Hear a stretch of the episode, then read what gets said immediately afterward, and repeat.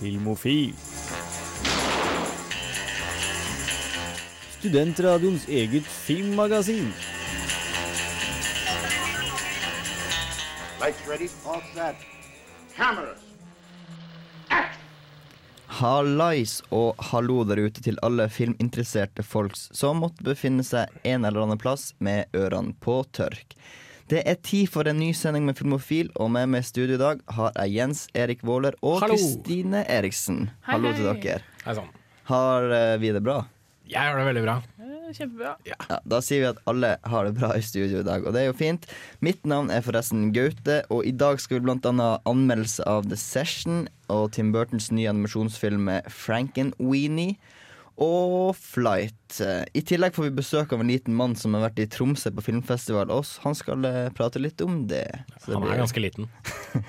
ja, jeg skal ikke si så mye sjøl, men eh, Men uansett, han kommer på besøk. Eh, Vi får introdusere han senere. Og det blir selvfølgelig mye annet filmrelatert som dere bare kan glede dere til. Eh, Snart skal vi ha Filmnytt, men først skal vi høre litt av humor.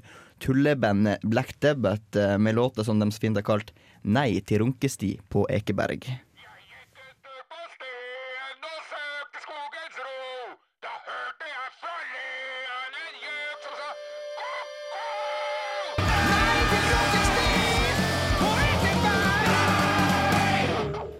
Hei, jeg er eh, Agnes Kittelsen, Og jeg er Aksel Henning, og det er viktig at uh, dere hører på Filmofil. filmofil.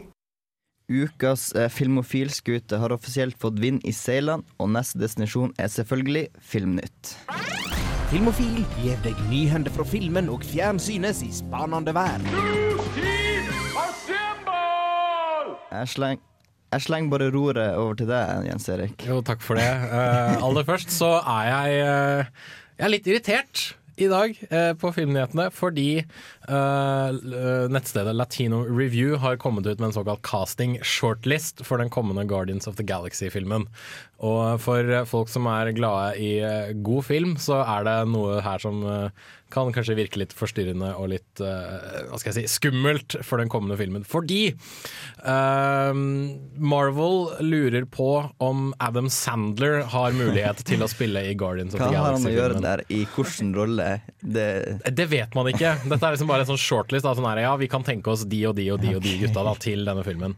Og Da er det blant annet Jim Carrey og Adam Sandler som står på lista. Jim Carrey har jeg ingenting imot. han har vært i en Batman-film tidligere. Han har vært i Batman-film. Han skal være med i Kick-Ass 2, som holder på å bli spilt inn slash ferdiggjort eh, nå. Um, og altså, James Gunn, som regisserer Guardians of the Galaxy, gjorde en veldig bra jobb med Rain Wilson i Super. Så det kan jo hende at han klarer å gjøre Adam Sandler tolererbar. Men Jeg tror det er for vanskelig selv for han. Altså. Ja, ikke sant? Altså, det det er Adam Sandler! Hva faen tenker de på? Nei, men um, altså, jeg vet ikke. Kanskje fordi altså, og Uansett, jeg tror kanskje ikke Adam Sandler kommer til å gjøre dette, her for han tjener nok penger på de dårlige drittfilmene sine sjøl. men bare det faktum at Marvel vurderer Adam Sandler, syns jeg er veldig rart. Heldigvis er jo ingenting fastsatt. Kristine, har du noe snadder? Eh, det er ikke snadder akkurat, det er mer en uh, morsom eh, historie. Det, altså I USA så har, har eh, Det hvite hus uh, hatt en sånn ordning at uh, folk kan skrive under kampanjer på internett. Og så hvis det får et visst antall signaturer, så sendes dette offisielt til Det hvite hus, og de må offisielt svare på det. da. Og da kan du tenke deg internett, signe opp for ting. Nerder. Ja, da går det dårlig. Og da var det noen nerder som ratta seg sammen og tenkte ja, vi skal få Det hvite hus til å bygge en Death Star. For det, det er noe som Amerika trenger. Helt I verdensrommet, da. Ja, jeg antar det. Så, ikke på bakken, det er litt meningsløst. Men så de selvfølgelig, på 0,0 så fikk de jo nok signaturer. Og, og jeg- Takk, internett. Tusen takk. Og jeg tror det, det var altså Jeg tror det offisielle svaret Jeg har ikke det kåta her, men jeg mente å huske at det var noe sånt som at eh, Det hvite hus kan ikke liksom, har de, kan ikke akseptere det og det å sprenge andre planeter. Da. Så vi, har, vi kan dessverre ikke gjøre det. Uh, og så ikke bare det, men de har nå la, satt opp grensen for signaturer, så nå må du jeg tror du må ha over 100 000 eller noe Mm. for at de skal få noe svar. Så de, nerdene har ødelagt for kanskje mange andre viktige saker som kanskje trengte et svar. Ja, men Hvis det er en viktig sak, så burde den jo få nok signaturer uansett, burde den ikke det? Men det? var jo sånn skikkelig kjipt da, hvis en annen, en annen sånn petition var rett bak og liksom var noe skikkelig viktig. Og så på grunn av nerdene så må de vente en stund. Og, ja. Men, Ja. men. Gøy var det. Ja, det Godt altså- jobba, idrett! Ja, godt jobba. Det blir altså ikke noe eh, Death Star med det første. Du får ta for en til for musikken. Ja, det skal jeg gjøre. Eh, Fra Star Wars til eh, vår kjære japanske monstervenn Godzilla. Fordi det skal jo lages en ny Godzilla-film med regissør Gareth Edwards bak alt sammen. Han lagde denne Monsters-filmen som kom ut for ja, drøyt år siden, cirka. uh, som ikke var spesielt god, men det er Godzilla, så det kan være gøy. Uh, nå viser det seg at godeste Frank Darabont, uh, som annet har stått bak Walking Dead-serien, som fortsatt går i, for fulle TV-skjermer i USA, og, som, og han har jo ikke minst skrevet The Shawshank Redemption. Filmen. Uh, han skal nå uh, rett og slett skrive manuset til denne Godzilla-filmen, etter at Legendary, altså produksjonsselskapet, har saksøkt noen andre produsenter, og det har vært liksom veldig mye sånn lovlig trøbbel da, med den filmen. Så de måtte starte helt på nytt, og med en ny manusforfatter. Og det tror jeg kan bli bra, for Frank Darabont er en veldig flink manusforfatter. Og han har sagt det at nå skal de eh, liksom bringe Godzilla tilbake til denne skumle naturkraften han en gang var, da. Og eh, med litt sånn der, eh, koblinger til uh, atomkrig og uh, Hiroshima og Nagasaki og alle de greiene. Det tror jeg kan være ganske morsomt. Ja. Kanskje ikke Matthew Broderick i hovedrollen heller. Nei, forhåpentligvis ikke. Uh, jeg, jeg håper litt at det er en fyr som bare kommer til å kle, ikle seg en svær sånn Godzilla-drakt og som må trampe rundt i en sånn der, liten sånn miniatyrpappby, sånn, som de gjør i de japanske sånn som de gjør i de japanske filmene. Det hadde vært kjempemorsomt, men jeg tror det kommer til å være litt mer. Jeg vil at det ikke skal se ekte ut. Bare, Ja, bare helt back det to the kjempegøy. OK, vi får se. Uh, vi skal ha litt mer filmnyheter, men først skal vi høre litt mer musikk. Og da får vi Fårikål fra Lindstrøm sitt matkonseptalbum. Her er altså Fårikål.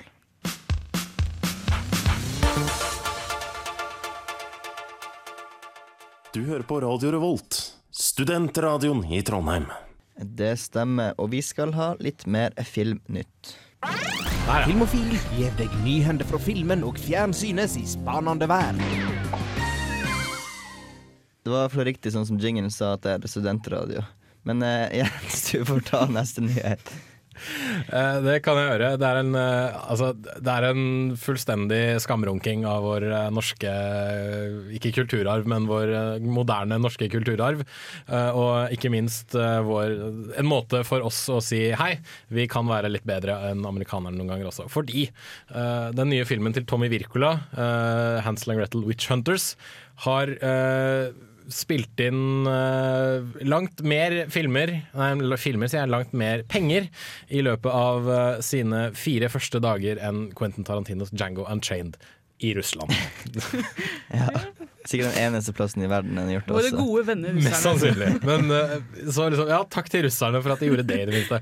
Uh, men eh, ja, 41 millioner kroner har Hansel and Gretel Witch Hunters tjent inn i løpet av fire dager. Det er faktisk 11 millioner mer enn uh, Django Unchained, så kjempegøy. Det blir jo spennende å se da hva eh, de amerikanske anmelderne sier om filmen når den nå har premiere til uka, hvis jeg ikke tar helt feil. Um, Gleder meg veldig til å se den sjøl, for å være helt ærlig. Uh, men uh, ut fra hva jeg har hørt, sånn tidlig buzz, så er uh, mottakelsen for det meste positiv. Ja, Det blir spennende å høre hva vi også mener, da, når Ja. vi får se den. Hvem var det som hadde siste nå her? Siste, det er vel nest siste. Er det nest siste? Jeg tror det er nest siste. Okay. Jeg kan nevne det at uh, det blir sånn her notis, sånn smånotisgreier dette her, men Joseph Gordon-Levitt avkrefter ryktene om at han skal dukke opp som Batman i Man of Steel, altså den kommende Supermann-filmen Man of Steel, og i Justice League-filmen. Det sa han i et intervju med MTV, hvor han sa rett og slett at nei, det ryktet, det hadde jeg ikke hørt, sa han. Og øh, han sier samtidig også det at jeg syns ikke du skal tro noe særlig på øh, disse ryktene, for øh, hvis det er noe jeg har tenkt til å være med i, så kommer jeg til å fortelle deg det, sier han. Ja, og det, det er derfor, det er derfor jeg liker Joseph Gordon-Levitt. Han er veldig sånn rett fram om sånne ting. At ja, jeg kommer til å si ifra hvis noe sånt nå skjer. Det er bra. Og han er jo litt sånn tegneseriefanboy sjøl, så jeg tror at hvis han skulle spilt Batman, og ikke bare liksom Batman som i slutten av The Dark Knight Rises Batman, spoilers, eh, så hadde han nok ikke kunnet klare å holde kjeft om det. Nei, mest sannsynligvis ikke. Men nå er det siste nye. Nå er det aller siste. Eh, Helt til slutt, for de som er glad i eh, merkelige skrekkomedier der dverger spiller skurkerollene, så kan det nevnes at uh, Leprechaun-serien skal få en ny eh, film.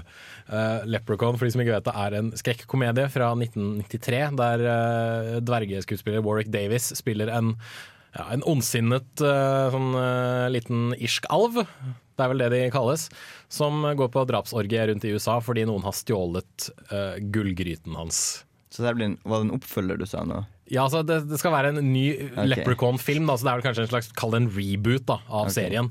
Uh, som eh, dessverre skal fjerne humoren og Mm, eh, bare gå, gå litt mer for skrekk, skrekkgreia. Eh, for det er Lionsgate og WWE Studios som skal gjenopplive serien. For de som ikke vet hvem WWE Studios er, det er nettopp filmavdelingen av uh, USAs uh, største fribryterfirma, altså de som driver med wrestling. Um, så hvordan det skal arte seg i en Leprechaun-film, det blir veldig spennende. Kanskje det er sånn dvergefribryter. Ja, det, sånt, det det er sikkert masse små dvergewrestlere som går rundt og drepe folk. Ja. Uh, tonen i den nye filmen skal da bli mørkere enn resten av serien, men det skal fortsatt være litt komikk inni der, da, så det kan jo bli veldig spennende. Um, fun fact om den første Leprechaun-filmen var jo det at Jennifer Aniston spilte en av hovedrollene. Eh, så vi får se da om dette er en film som skaper karriere for en eller annen sånn kommende sitcom-herskerinne. Hvem vet. Og så blir det en sånn gammel skam de ser tilbake til sånn 30 år etterpå. Jeg tror det blir eh, en film for litt spesielt interesserte. Da. Ja. Yes, Vi skal eh, snart, snart, snart starte på ukas eh, kinoanmeldelser. Mitt favorittord i verden å si. Nei, men eh, først skal vi høre litt mer musikk, og da skal vi få lokalbandet Disco Slam med Langt, langt vekke.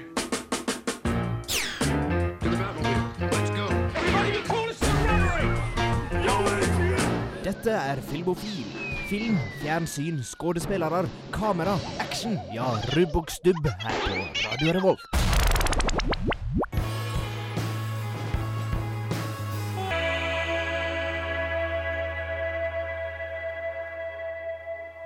Hei, det her er Josten Pedersen på Radio Revolt. Radio Revolt, 12 points. Du fikk nettopp dråpe med Blue Skies, og vi er kommet til ukas kinoanmeldelser. Og første film ut er The Sessions. Har du noe du vil nevne før vi spiller av anmeldelsen, Kristine? Nei, egentlig ikke det. Den, Ingenting å si om den. Da regner vi med at du har en utfyllende anmeldelse.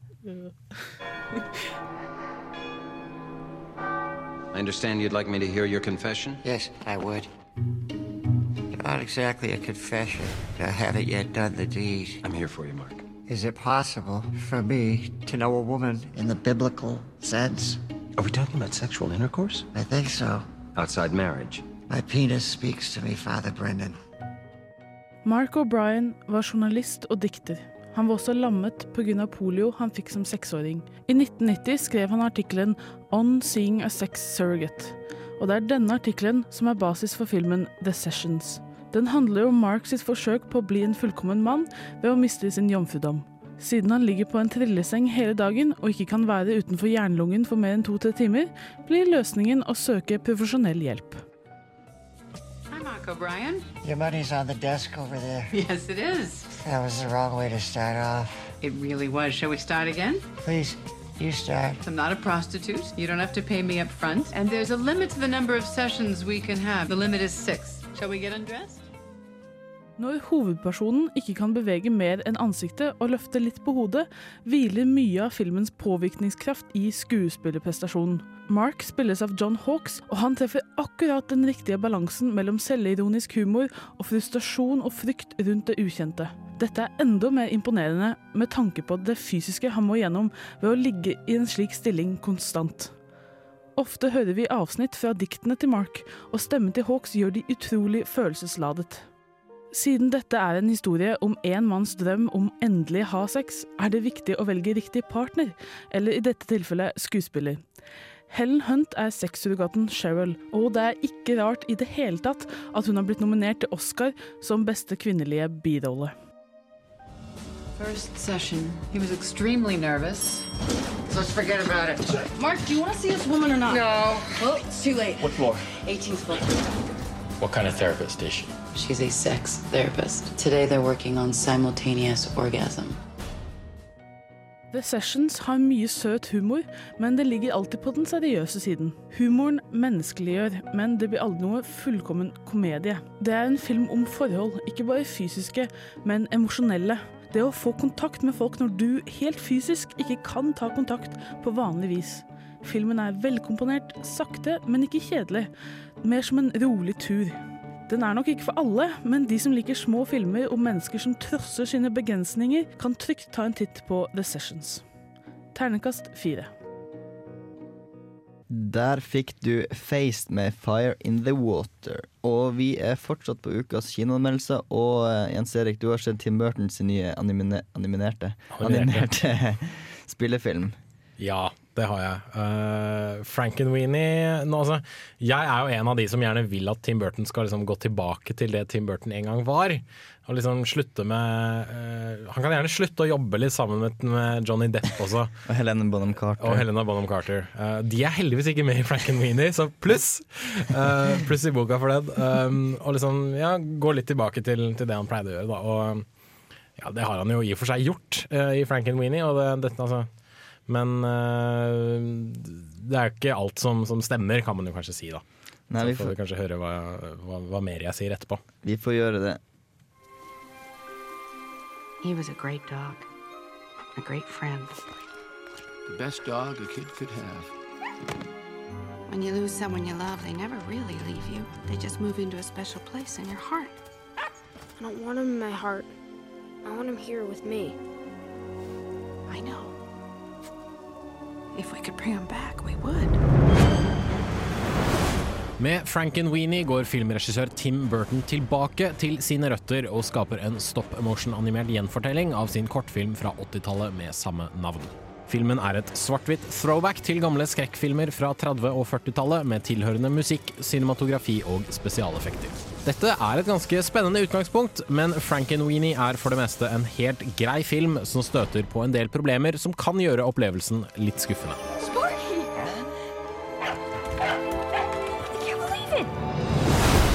Your dog is alive!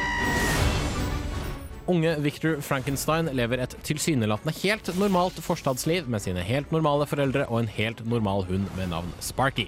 Når Sparky dør i en bilulykke, gjør Victor som sin navnebror og bringer hunden tilbake til livet igjen gjennom bruk av vitenskap og elektrisitet. Dermed må han gjemme sin gjenopplivende venn for familie, naboer og klassekamerater. Akkurat det går som forventet i en film som dette. The nervous system is just wires and cables. Even after death, the muscles respond to electricity. Det er mye old school Tim Burton her som fans kommer til å plukke opp med en gang. Det idylliske forstadslivet er som hentet rett fra Edvard Saksehånd, og figurdesignet minner høyst om det vi har sett i både Nightmare Before Christmas og Corpse Bride. Burton har fått lov til å utfolde seg med de visuelle stiler han liker best, men velger heldigvis å gjøre det sparsomt, og det fungerer absolutt til filmens fordel. I can fix that. I know. Your dog is alive! You can't tell anyone. Promise? Promise. Dessverre lider Frankenweenie under det faktum at dette er en historie skrevet for en kortfilm som har blitt utvidet til en 90 minutters langfilm. Det langsomme tempoet passer for så vidt til horrorfilmestetikken, men handlingen mangler fokus, og filmen vet tilsynelatende ikke helt hva den ønsker å fortelle. Det som begynner som en enkel historie om en gutts kjærlighet til sin hund, ender til slutt opp som en Godzilla-aktig monsterfilm. Filmen forsøker også å gjøre noen sleivspark i retning av kreasjonisme og vitenskapsfornektere, men dette forkastes like fort som det dukker opp, og går til slutt ingensteds. Det samme gjelder de mange referansene til klassiske skrekkfilmer, for de er morsomme å kjenne igjen, men de tilfører ikke filmen noe nytt. Historien unngår også å gjøre et dypdykk i nettopp hva det vil si at en ung gutt bringer sitt avdøde kjæledyr til live igjen. I mange amerikanske filmer og TV-serier er tapet av et kjæledyr et slags overgangsrituale for små barn, der de lærer seg å akseptere død som en naturlig del av verdens gang. Frankenweenie bruker dessverre ikke dette potensialet, og til syvende og sist blir et godt budskap forkastet til fordel for en lykkelig slutt. Rise, Colossus, from your tomb!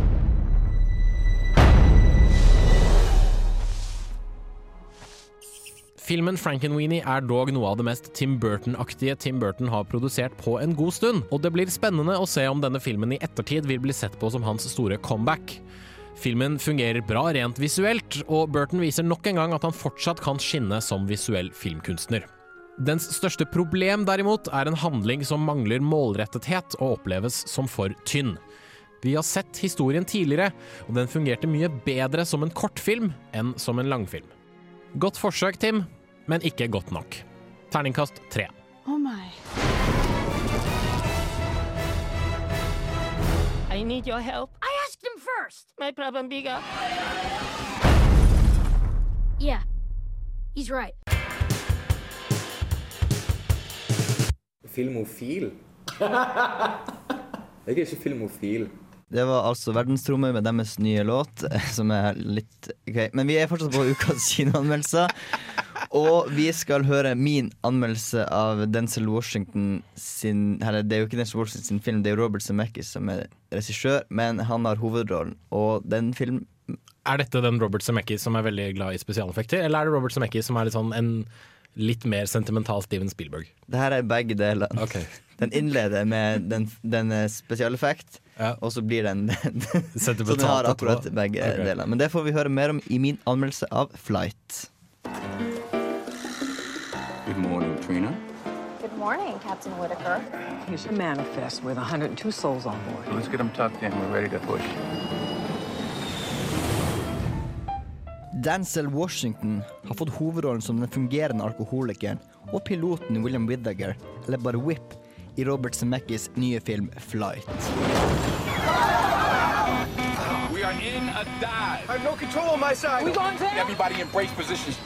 Den starter med en intens og meget overbevisende flystyrtscene, der Whip mirakuløst nok klarer å lande flyet såpass bra at han redder de fleste passasjerene fra en sikker død.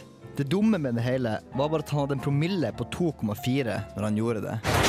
I see nothing but houses. Evan, listen to me. Trim us nose down. Plane fell apart at 30,000 feet. We're gonna roll it. What, what do you mean roll it? Ready? Here we go. Med en sånn her pangstart kan det være vanskelig å holde fast på nerven i filmen, slik man ikke mister interessen. Og akkurat i dette tilfellet kommer dessverre Semekis til for kort. I'm on the list, baby girl. There is all kinds of crazy news people out here. You're a rock star, man. You will never pay for another drink as long as you live. Ikke fordi at det nødvendigvis er en skikkelig dårlig film, men fordi det som først virka som en spenningsfilm om en flystyrt og den påfølgende etterforskninga, viser seg å være et slags stillestående karakterdrama om en mann sin kamp mot alkoholismen. You had alcohol in your system. That could be life in prison.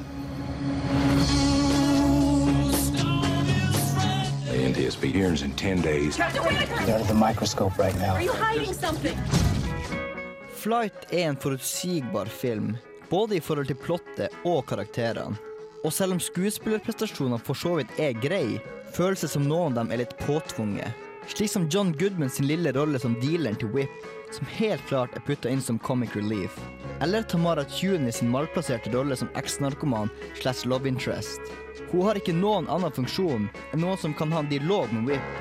Det her med tanke på at han ikke har noen venner eller familie som vil prate med han. Hvis han ikke hadde møtt henne, ville han måtte prate med seg sjøl. This was an act of God. Those God would do this. Our investigators concluded the aircraft failed. The FAA placed 10 pilots in simulators, recreated the events. Every pilot killed everybody on board. You were the only one who could do it. Bortsett fra flystyrtscenen er det én scene til som overrasker, og som gjør at filmen ikke blir helt bortkasta å se. Det er da snakk om en overraskende vri, der kokain plutselig blir brukt som et nødvendig onde, før den avsluttende høringen som skal avsløre skjebnen til Whip. I'm trying to save your life. Your life. We lost our power! Men som helhet sitter man igjen med en ganske så kjedelig film, som reddes av de få gangene den glimter litt til. Terningkast tre. No one could have landed that plane like I did.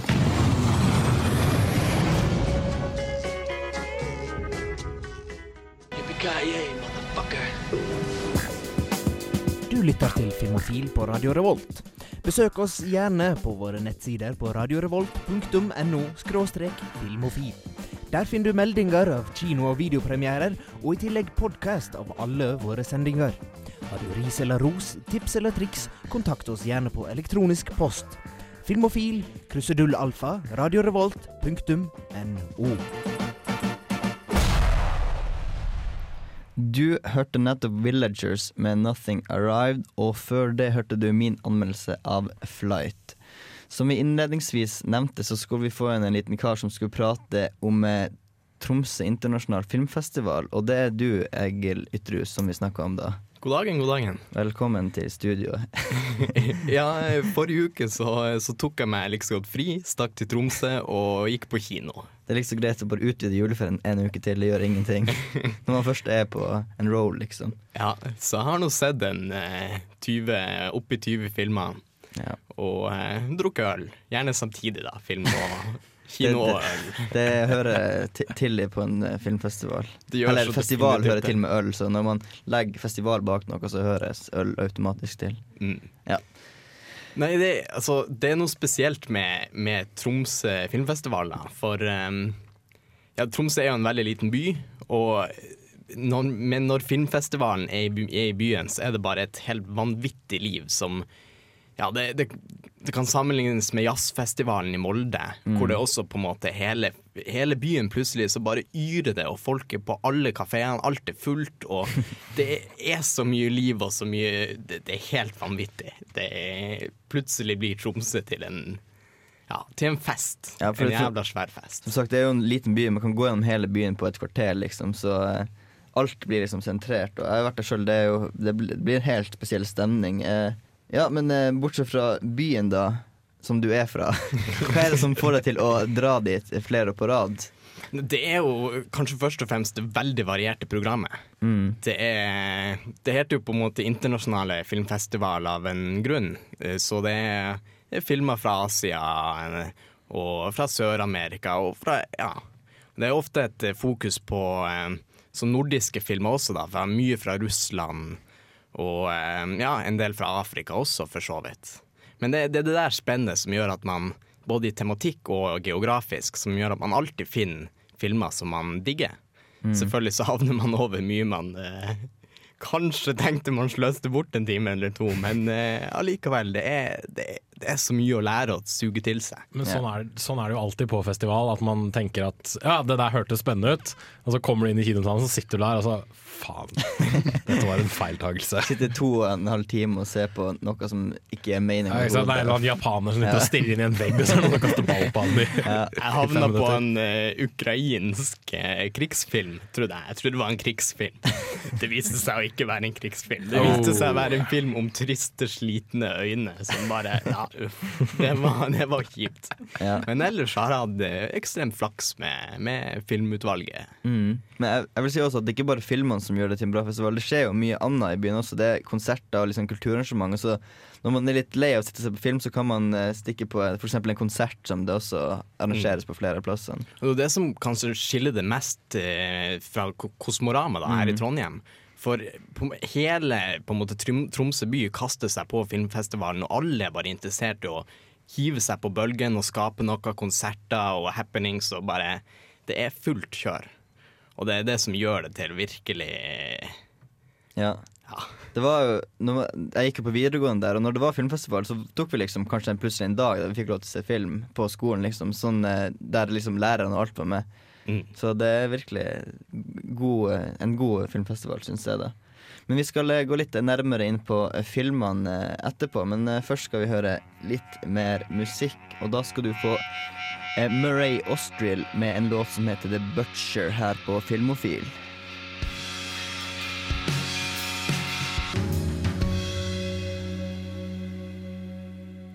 Der hørte du Murray Austrill med The Butcher, og vi har fortsatt eh, besøk av Egil Lytterud, som har vært på, i Tromsø på filmfestival.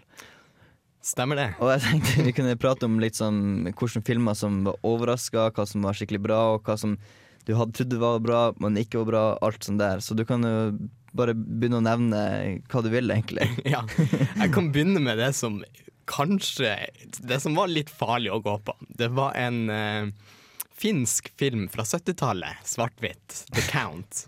Og da sto det i beskrivelsen av filmen at uh, den hadde av anmeldelsene når den kom ut, så var, ble den beskrevet som det verste som, av finsk film som noensinne hadde blitt laga. Jeg liker den allerede. Men jeg tok sjansen, og der, uh, det var faen meg en suksess. Det, det, var- det handla om en, uh, en finsk ja, sjarmør som har en ekte historie om en finsk sjarmør som har eh, i løpet av livet sitt eh, blitt forlova med en opptil 70 finske damer. Og da for, selvfølgelig for å svindle dem og få litt penger og i det hele tatt eh, leve av, eh, av å være sjarmør. Men det som er så spesielt med storyen, er at når eh, regissøren skulle få spilt inn denne filmen, så fant han ut det at eh, han ville få den til å være så ekte som mulig, så eh, hovedpersonen er jo da selveste Selveste storsjarmøren som spiller seg sjøl. Og det gir, eh, det gir på en måte filmen Du begynner å skjønne hvordan han fyren her har en sånn karisma som får han til å ja, en eh, titalls av kvinner. Det høres jo litt sånn Casanova-aktig ut da, i Finland, liksom. Nei, det var, det var, den var farlig, men det ble en suksess. Det ble en suksess. Du, du, du syns den var bra, liksom? Det Eller var, det var i hvert fall kult. Ja, Det var kult. Men eh, noen av det aller beste som jeg tipper kommer til å komme på Kosmorama, er nå en eh, chilensk film om fallet til Pinochet. Og det var eh, Hele filmen hadde en sånn her VHS-stil over seg. Den var litt sånn kornete og litt sånn Ja, den var i det VHS-formatet, ikke, ikke bre, brevformat. Okay. Og innbakt i filmen så var det altså masse sånne reklamefilmer. For eh, i fallet til Pinochet så var det en sånn reklamekonkurranse, eller eh, kamp, mellom dem som var for Pinochet og dem som var mot. Og liksom bruk av de her ekte reklamefilmene ga filmen virkelig en, eh, et eget preg. Så når nå kommer på Kosmorama, som jeg er villig til å vedde på at den kommer, så må alle se den. Men må man ha en sånn politisk interesse for å se den? Absolutt ikke. Det, okay. det er liksom en komedie om et seriøst tema. Ja. Så det, det er å anbefale. Er det noe som eh, du trodde skulle være skikkelig bra, men som ikke var bra, som det ofte bruker å være på festivaler? Ja, jeg hadde ingen sånn virkelig, virkelig skuffa. Men eh, ja, eh, 'Winter of the Dead', den første russiske zombiefilmen Det høres jo så bra ut! ja, det gjør det, vet du. Men eh, når de eh, fant ut at det skulle snø i denne filmen, og det løste de ved å putte på et sånt filter, datafilter, så man bare ser sånne hvite streker som går foran kamera hele tiden. Det var, ja, nei, det var helt Det var en katastrofe. Derimot, den første kubanske eh, zombiefilmen, 'Juan of the Dead', den var awesome. Den har vi jo snakka litt om Filmofil, har vi ikke ja, det? den ble vist på, på Ramaskrik Ja, det var det, den ble i fjor. Ramaskrik, ja. Eh, dessverre fikk ikke jeg dratt dit, eh, eller noen av oss fikk ikke dratt dit. Men eh, den har fått ganske god mottakelse sånn internasjonalt, så vidt jeg har skjønt. da Så det gleder jeg meg til vil forhåpentligvis kommer på, på Ramaskrik. Nei, Kosmorama. Ja, vi får håpe det, vi også. Ja, det var en av de filmene hvor hele salen hadde tatt med seg en, eh, en flaske med vin eller to og satt der, og ja, det var et helvetes liv. Ja, det hørtes bra ut. Noe mer du har lyst til å nevne sånn eh, på tampen? The Thieves fra eh, Sør-Korea, en sånn Oceans Eleven-inspirert sak som var ganske enkelt bedre enn Oceans Eleven. Ja. Det var den største kassasuksessen fra Sør-Korea noensinne, så det, det kan jo hende den også dukker opp. Mm. Det var kult. Det, det høres ut som uh, du har hatt en uh, Du har hatt flaks med filmene du har sett, da. Ja, det, jeg har aldri hatt så flaks før. Så. Nei, 20 filmer. Man, hvis alt masse har gått et inntrykk av de fleste er bra, så er, da vil jeg si at du har hatt flaks. Mm. Ja, Men det er bra. Jeg håper at folk eh, tar og kjøper seg billetter til eh, TIFF neste år og bare drar opp til Nord-Norge og koser seg en uke, for eh, det tror jeg er veldig bra. Kom dere til Nord-Norge. Ja, vi sier tusen takk til deg eh, for at du kom og snakka med deg, Lytterus. Ha det godt. Ja, og nå skal vi høre Moddi med House by the Sea. They say home is the place where your heart is.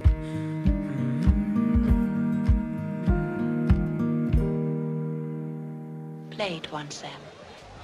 Det er jo alltid å ha musikk når den er påtent. Helst noe indisk eller pakistansk. Ukas filmlåt. Er vi på? Det er vi, vet jeg. OK, bra. Uh, vi Du hørte nettopp Moddi med hans låt 'House by the Sea', og vi er på vår faste spalte her i Filmofil. Ukas filmlåt som du har fått æren av å ta med deg denne uka, Jens Erik. Ja, og det syns jeg er veldig kult. Eh, Vi skal uh, skru opp tempoet litt eh, etter godeste Moddi fikk lov til å senke det litt. Grann. Uh, og vi skal til en uh, fartsfylt komedie fra 1981. Uh, og jeg må jo egentlig bare nevne i fleng alle de fantastiske skuespillerne som er med i denne filmen.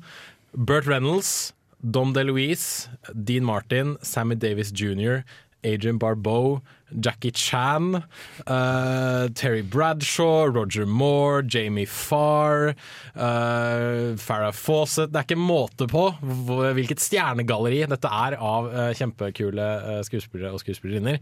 Og da snakker jeg selvfølgelig om The Cannonball Run.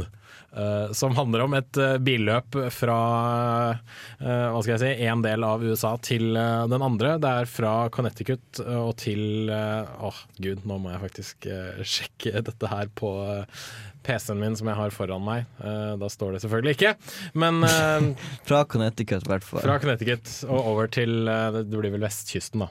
Ja. Du er god på eh, amerikansk California. California, California. Sea to shining sea, i hvert fall. Om å gjøre å komme først fram, eh, om å gjøre å unngå politiet på diverse kreative måter. Og her kler folk seg ut som prester i røde Ferrarier. Du har eh, to stykker som kler seg ut som et ambulanseteam, med en litt sånn Dr. Frankenstein-aktig lege i baksetet. Eh, Du har to sexy kvinner i spandex som kjører en svart Lamborghini og drar ned glidelåsen på, på Overhallen hver gang politiet prøver å stoppe dem. Du har to stykker som skal være et eh, ektepar som kjører eh, bryllupsreise fra et sted av landet til et annet et på motorsykkel, men han som sitter bakpå er så feit at motorsykkelen steiler hele veien. og til slutt så har du Roger Moore da, som spiller en slags merkelig parodi av seg selv. Han spiller Altså, Roger Moore spiller Roger Moore om Roger Moore skulle vært James Bond. Ok. For han kjører rundt i en Aston Martin hele tiden, som har masse gadget inni seg. Men egentlig i filmen så heter han uh, Seymour Goldfarb. ok. uh, og låta jeg har valgt ut fra uh, filmen, er jo selvfølgelig tittellåta som heter Cannon, altså, eller Cannonball Run da, av Ray Stevens. Og den har mye rare, spenstige lydeffekter i seg. Veldig mye biler som sier brum, brum. og det syns jeg er kjempekult, for jeg syns den oppsummerer filmen på en veldig god måte. Og det er en herlig komedie med masse skuespillere som bare går inn, har det moro. Og så får du se litt eh, kule slåsskamper og uh, morsomme replikker og mye bra bilkjøring i tillegg. Det høres bra ut, så skal vi se om vi andre syns det er like kult med mye lydeffekter. Du får Ray Stevens med Cannonball Run fra filmen Cannon, Cannonball Run.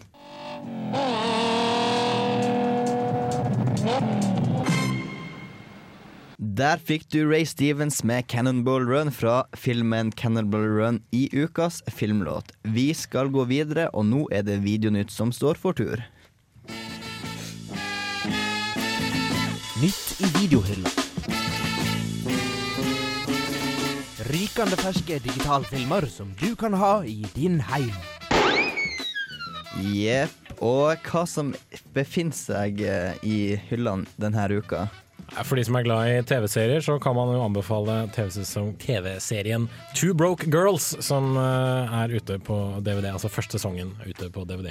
Som handler om en eh, smart brunette og en dum blondine som begge er blakke, og så må de flytte inn sammen og tjene penger ved å jobbe på et sånt fastfood-sted. Ja. Og så har de en kinesisk sjef som er så stereotypisk kinesisk at jeg nesten vil kalle serien litt rasistisk. Litt. Jeg vil si at den er rasistisk. Altså.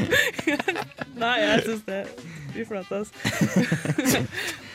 Ok, Litt sånn høyreretta serie der, da. Ja. ja. Er du, er du glad i Danny Treho, så jeg har ikke sett filmen sjøl, men jeg Altså.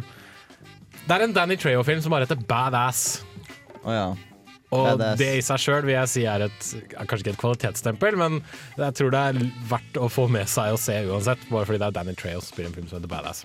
Så går jeg rundt med en svært balltre på forsida. Alt Ja. feil. Ute er jo også Taken 2, er det ikke noen som har sett den, den her? Du digger jo Taken 1. Ja, jeg gjør det. Og Taken 2 er mer av det samme, så egentlig ikke, kanskje ikke verdt å se utenfor Uber-fansa, kanskje. Men eh, nei, den det er sånn stand, den, den har liksom falt fra Taken som var sånn wow, dette her var noe nytt, til ja, det har vi sett før. Jeg hører at det er en scene i Taken 2 der han bruker håndgranater til å drive med ja. ekkolokalisering. Yes, ja. Du sitter der og tenker why not, but at the same time, hvorfor? altså, Fordi Olivier Megaton. Jeg har også hørt at en scene der han dreper noe med bare Han må klemme på ansiktet eller noe sånt. Uh, det, det kan godt skje, jeg husker ikke det At han bare tar hånda i ansiktet, og så bare dør han, eller noe sånt. Jeg vet ikke, det kan være en kompisen sa det til meg løy. Det kan være det. Ja, nei, han, han slåss veldig badass. Det, altså, det er jo Les Nilsen i en actionfilm, så selvfølgelig så er det badass, men Nei, altså hun dattera hvis, hvis du liker dattera og liksom er med, på, er med på hennes reise, da Ja, hun er, kan være veldig irriterende. Noen liker søstera, noen liker dattera. Men liksom, hvis du liker hun som spiller dattera, da, så kan det hende at du liker filmen bedre enn hvis du bare syns hun er irriterende. Ja, er det noe mer som er verdt Jeg kan å nevne? Ja, uh, masse Downton Abbey-greier. okay, masse, masse ja. Det er jo det er jo blitt en veldig populær serie. Så. Så absolutt. Uh, jeg kan også nevne at eh, alle de klassiske monsterfilmene til Universal uh, er ute i sånn altså, Du finner det som en pakke på Blu-ray og DVD-sjappa of your choice, men du finner dem også nå individuelt. Da. Eh, vi snakker Creature of the Black Lagoon, Dracula, uh, Operafantomet, Frankenstein, uh, Pun... Nei, det var Bride of Frankenstein, eh, Invisible Man, eh, The Mummy og da til slutt eh, The Wolfman. Så hvis du er glad i klassisk eh, skrekkfilm, så er det bare å fleske til. Jeg kan også avslutningsvis, eller ikke men jeg kan nevne eh, Mark Warburg sin film 'Kontraband', som rett og slett er en helt vanlig actionfilm om en smugler som skal smugle, gjøre sitt siste smugle, Ja, selvfølgelig, selvfølgelig. for å redde kona. For dette er jo alltid sånn, han bare I'm retired, og så bare You have to do one last. og så gjør han det, og så okay. sant, skjønner du. Og så er det skyting og smelling. En helt vanlig actionfilm. Ingenting, ingen personlighet overhodet. Vi skal høre litt mer musikk før vi skal snakke om en, eh, en fransk film. Ja.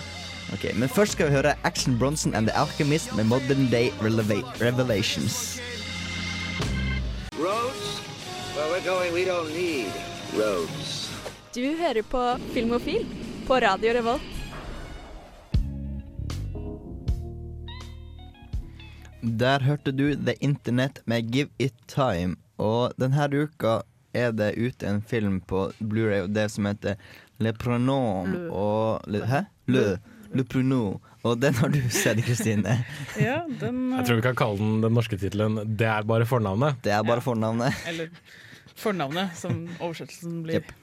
Ja. Det er eh, en veldig hyggelig fransk film. Eh, Det handler jo om slett en gruppe mennesker som skal ha middagsselskap sammen hjemme hos eh, en av dem som er en sånn professor i fransk. Da, så han er veldig sånn ordentlig og liksom, litt sånn grammar-nazi. Så, sånn tenker jeg på internett. Sånn grammar-nazi. Men, eh, men han Og så er det veldig sånn absurd sånn Amelie-start. At du får sånn derre Du kjører gjennom byen i Paris, altså og så får du sånn fortellerstemme som sier sånn rare fakta, så du tenker hvorfor er det her viktig? Så, men etter hvert så kommer du inn i, hos dem, og så er hele filmen for, hovedsakelig bortsett fra flashbacks i det rommet. da. Og så begynner de å snakke om at han ene han har akkurat fått en sønn, og han skal, de skal velge navn. Og han har vært Adolf. Ja, det her, det jeg har hørt om når jeg tenker Ja, om. og det skaper jo selvfølgelig reaksjoner, spesielt hos han professoren som selvfølgelig mener å vite best. Og ja, så blir det stor krangel, og så bare ja, bygger det seg opp, og så begynner de å krangle om flere ting og flere ting, og så kommer alle hemmelighetene ut. da, ikke sant? Så blir det, ja. Sånn, typ, egentlig så hater de hverandre og sånne ting. Nei, ikke ha... Nei, nei. Eller er det sånn at alle har ligget med alle? Nei, nei, nei. Eller litt av det òg, men Nei, nei, ikke helt sånn, da. Men altså, det er veldig fransk. at De er sånn Ja, det er en av dem som har en affære, det kan jeg si. Men jeg vil ikke si hvem.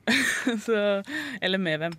Men det er veldig Ja, det er et eller annet med franskmenn som krangler, som høres veldig morsomt ut, da, fordi det går så fort og ja. Du hører den der franske «Ah!» De blir helt gærne. Så nei, den er veldig søt. Og flashbacksa funker, sånn at du ikke blir helt sånn kvalt av rommet. Uh, og nei, jeg, det eneste er at den kanskje blir litt for uh, Altså at når du skal hele tida gå fra én krangel til en annen, så skal du prøve å få den der flyten. For i, vi er veldig sånn vant til å hoppe fra Mm. i, I vår eget hode hoppe fra tema til tema. Men når du skal prøve å gjøre det i, uh, i dialogen, så noen ganger så bare OK, nå forcer de veldig i riktig retning bare for å få det til å stemme. Men uh, nei, ellers er det en veldig søt film. Ja. En, du vil anbefale den, altså? Ja, til alle som liker Amelie og ikke bryr Mm. seg om, uh, om å lese tekst. da. Ja. Det er jo ganske mange som liker Am- Amelie, og vi i Norge er jo heldigvis vant til å lese tekst. Ja, ikke sant? Så det, jeg tror det er mange som ville tenke seg den. Ja. Ja. Eh, Taken 2 er jo også ute denne uka, og den skal vi høre Kristinesen anmeldelse etterpå. Men først skal vi ha litt mer musikk. Og du får Guadulape Plata med El Blues et Amigo. Der hørte du hva, hva hørte vi egentlig her, Jens Erik? Guadalupe plata e blues mi amigo.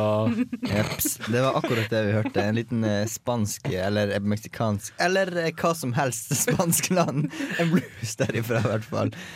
Eh, vi er på Det er mange Jeg kom på at det er jo et helt kontinent som snakker spansk, så Yes. Jeg har ikke peiling hvordan. Det er Brasil her. Portugisisk og litt fransk. Jeg vet at det Ja, men spansk og portugisisk Ja, er så likt at du Uansett uh, Vi er på Videonytt, og Taken 2 er Den foregår ikke i. Spania. Den, det vet jeg ikke. Den er ute på Blu-ray og DVD. Og eh, når den kom ut på kino, så anmeldte du den, Kristine. Og derfor skal vi høre din anmeldelse av Taken 2. Jeg veit ikke hvem du er. Jeg veit ikke hva du vil. Men hvis du ikke ser Taken 2, da har du sannsynligvis ikke sett eneren. Driver, turn left. When we stop, I want you to get out of the car. Will you tell me what's Listen going to me. Tell me what's Listen. going on. I need you to focus. Do it now. Liam Neeson har nådd enda et høydepunkt i sin actionheltkarriere. Han har laget en oppfølger. Det neste spørsmålet er nå om Taken 2 får oss til å drømme om en hel franchise. Taken 2 utspiller seg en kort tid etter hendelsene i den første. Liam sin karakter, eksagent Brian Mills, er nå den paranoide pappaen som helst ikke vil at datteren skal leve et normalt liv med kjæresten. For å ta en pause fra hverdagen inviterer Liam datteren og ekskona til Istanbul. Det han ikke veit, er at familiene til skurkene fra eneren er ute etter hevn på han og hans familie. You know this man? He was my son. I killed your son because he kidnapped my daughter. I don't care what he did. Watch her die. If I kill you, your other sons will come and seek revenge. They will. Det finnes utallige actionfilmer som kommer og går uten at folk flest merker de. Det de filmene ikke har, som Taken 2 har, er Liam Neeson. Han er uten tvil den skuespilleren som overbeviser både som bekymret far og kaldblodig morder. I Taken 2 får han mye kult å gjøre igjen. Det er velkoreografert slåssing og en intens biljakt gjennom Istanbuls trange gater. Og selvfølgelig fikk jeg gåsehud da Liam tok den nå allerede ikoniske telefonsamtalen. Be careful, Kim. Your mother is going to be taken. And people are going to come for you too. What are you going to do? What I do best. Taken 2 greier også å gjøre en vri på plottet som er nesten humoristisk, men er også en veldig logisk progresjon for historien. Det er derfor utrolig kjipt at filmen bruker så lang tid på å komme i gang. Det er nesten som om de har glemt at vi burde kjenne disse karakterene fra før. For en gangs skyld har vi en hovedrolleinnehaver av så høyt kaliber at vi ikke trenger lange sekvenser for å eksponere hans personlighet. Det er Liam Neeson, og det er nok. Pga. denne treige starten kommer heller aldri resten av filmen opp i samme gir som den originale. Actionsekvensene er i samme intense stil, i en ny setting, men det er ingen som har skrudd opp enda mer, som man forventer i en oppfølger. This is not a game. I will finish this thing. You'll just have to die. Det å se Liam Neeson i action er alltid bra, men utenom han ligger filmen helt på gjennomsnittet når det gjelder actionfilmer. Derfor får den en helt gjennomsnittlig terningkast. Terningkast tre.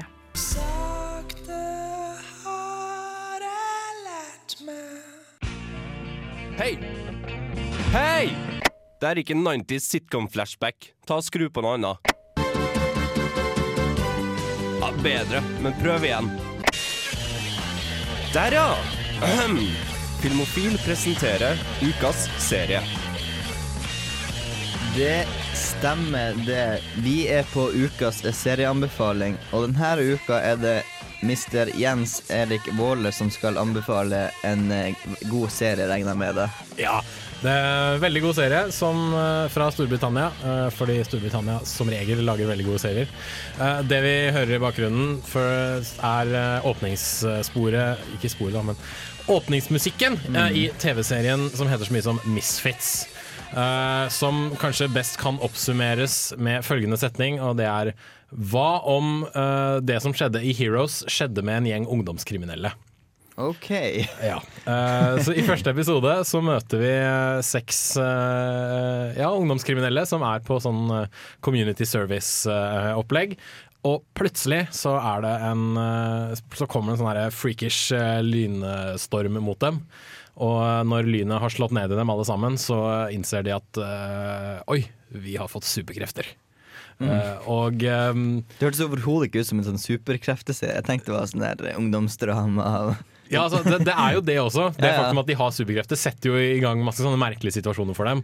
Uh, Blant annet så viser det seg at uh, han som er sosialarbeideren deres, han har også fått uh, en slags superkraft. Han har blitt hulken. Han har bare blitt hulken. Ja, på en måte. Han grønn hat- også.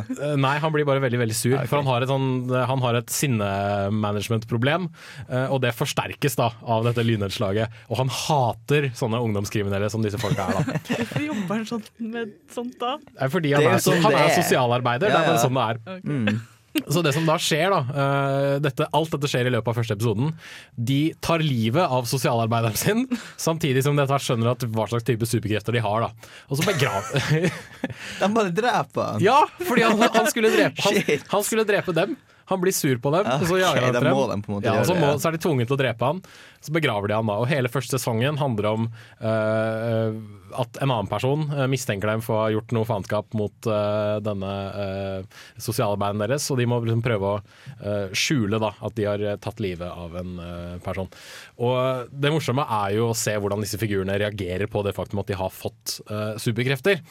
For der man i veldig mye tegneseriefilmer og tegneserier generelt, så har man jo det at Oi, jeg har fått en superkraft, da må jeg bli en superhelt. Liksom, Spiderman må lære at with great power comes great Mm. responsibility, etc. etc. Mens i Misfits så bringer de opp spørsmålet i første episoden, så spør han denne fyren hva gjør vi nå, skal vi bli superhelter?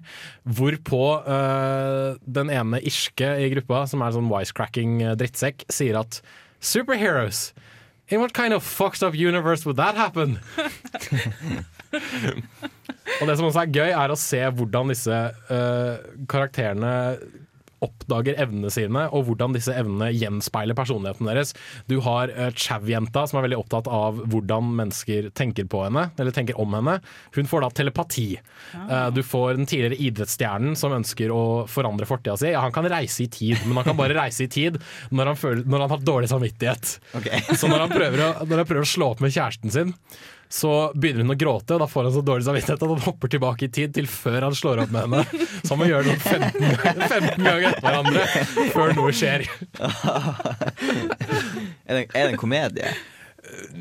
Altså, det, den har humor, men det er veldig sånn svart humor. da okay. uh, Mye av det kommer fra denne eh, Nathan, som er denne irske fyren. Som er sånn en, Han er en skikkelig, skikkelig kuk, men han er en morsom kuk, holdt jeg på å si. da Han kommer alltid med eh, sleivspark høyre og venstre mot alle andre de rundt han, og snakker stort sett nedsettende og dritt om alle, men viser, det viser seg at selvfølgelig så bryr han seg da om den gjengen. Fordi etter hvert som serien uh, utvikler seg, så blir det jo De kommer jo nærmere og nærmere hverandre uh, gjennom det de gjør, og lærer hverandre å kjenne, og lærer at hei, vi er jo ikke bare ungdomskriminelle, vi har, liksom, vi har følelser og tanker og, og alt mulig sånne ting i tillegg. Og um, det er veldig spennende å se hvordan de eh, reagerer på tingene som skjer med dem, og ikke minst det at superkreftene tar litt sånn herre Det blir en sånn bakgrunnsgreie. da. Det bare er en sånn Det er der for å iverksette ting som skjer med dem, eller iverksette eh, forandringer i personligheten deres, eller iverksette situasjoner som de må takle.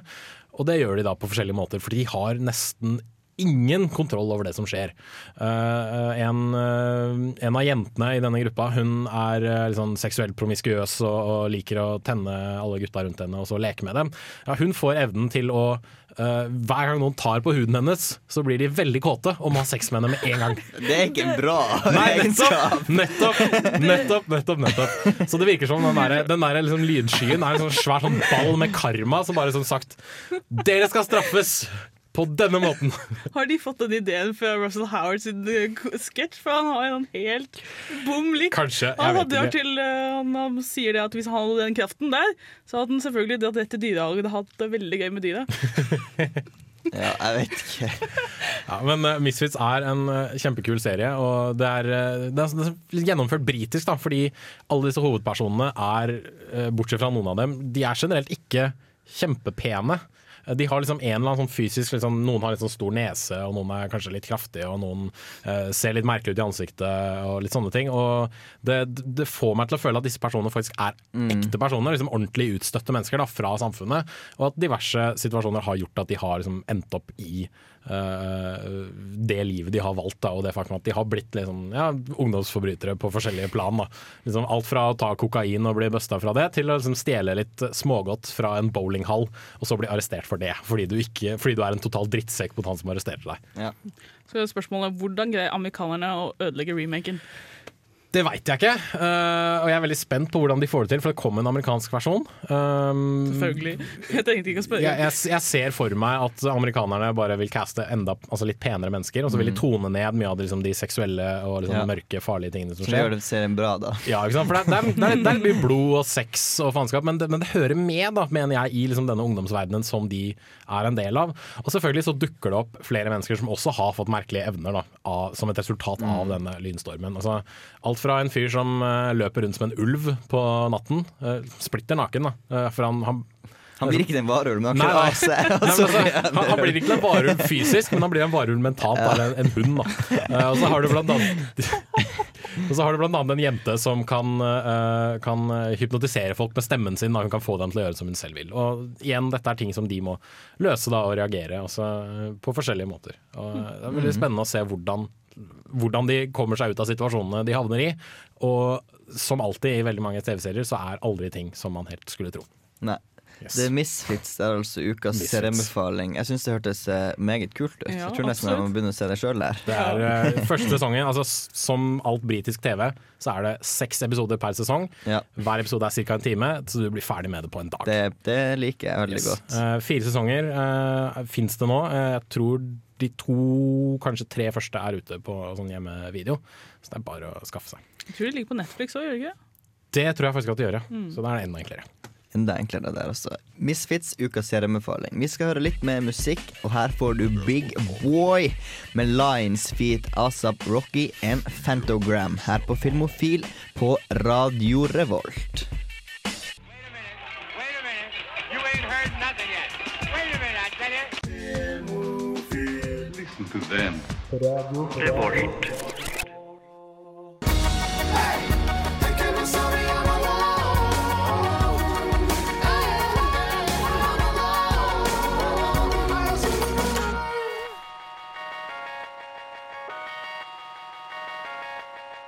Hei, dette er Nicolai Kleve Broch. Eh, Jeg vil bare si, hør på Filmofil, så får du med deg mye bra stoff om film. Du hørte nettopp britiske Everything Everything med låta Kemosabe. Kemosabe. Kemosabe. Nei, vi går mot uh, slutten av ukas uh, Filmofil-sending, men uh, vi, har jo, vi kan jo oppsummere hva som har skjedd, for det har jo vært en omfattende sending med mye fet Så absolutt. Fete greier. Eller gangster, som han Egil som var sa, sa at fet betydde. Det har vært en gangstersending, Ja.